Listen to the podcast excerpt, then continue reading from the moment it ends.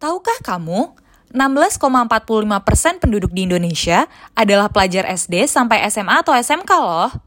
Nah, tahukah kamu, indeks literasi finansial di Indonesia masih sebesar 38,03%. Masih kalah daripada negara ASEAN lainnya. Menariknya, tingkat preferensi masyarakat Indonesia 59 hingga 66 persennya mengarah kepada produk dan jasa perbankan. Selanjutnya, mari berkenalan dengan Oli. Oli adalah pelajar berumur 14 tahun di Jakarta. Hobinya main gadget.